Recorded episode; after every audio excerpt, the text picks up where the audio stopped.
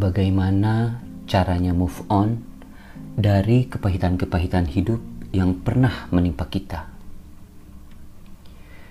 Kita semua pasti pernah mengalami hal-hal getir dalam hidup ini.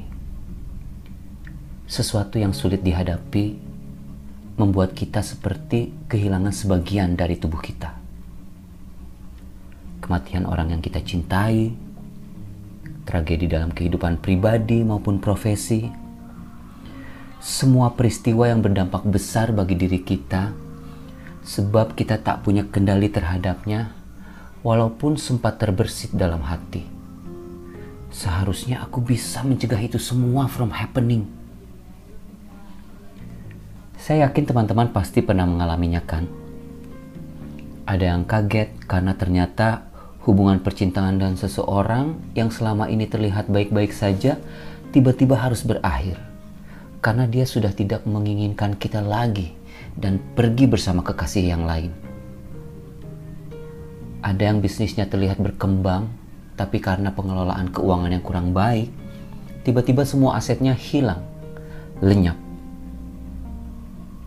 Ada yang ditinggalkan orang spesial untuk selamanya, lalu masih tidak terima akan kenyataan itu, padahal orang spesial tersebut sudah meninggal berbulan-bulan lamanya. Ada yang dicintai dengan cara yang salah sehingga membawa malapetaka dalam hidupnya.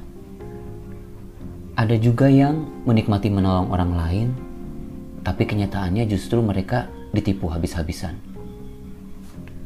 Dan setelah kejadian-kejadian itu, sebagian orang beat themselves up untuk waktu yang lama.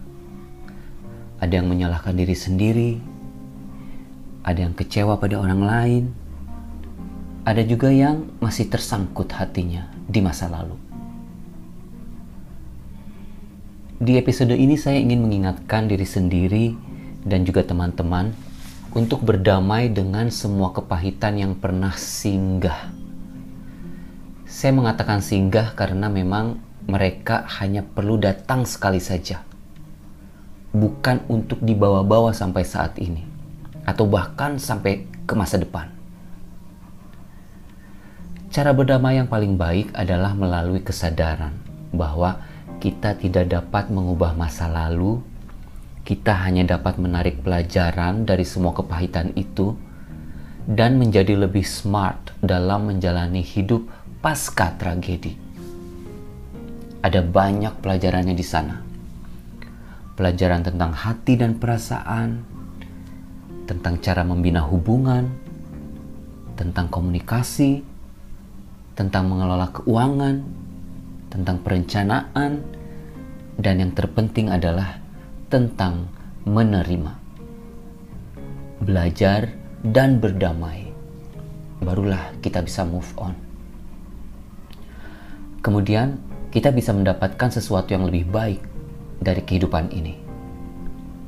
Kebaikan yang sering kali bisa kita ekspresikan dalam bentuk kegembiraan yang bisa kita tularkan ke orang-orang di sekitar kita. Dan itu hanya bisa kita dapatkan jikalau kita tidak selalu membawa-bawa kepahitan di atas pundak dalam kehidupan sehari-hari kita. Oh, semoga pengingat ini bisa saya laksanakan. Teman-teman juga ya. Thanks a planet and have a good one.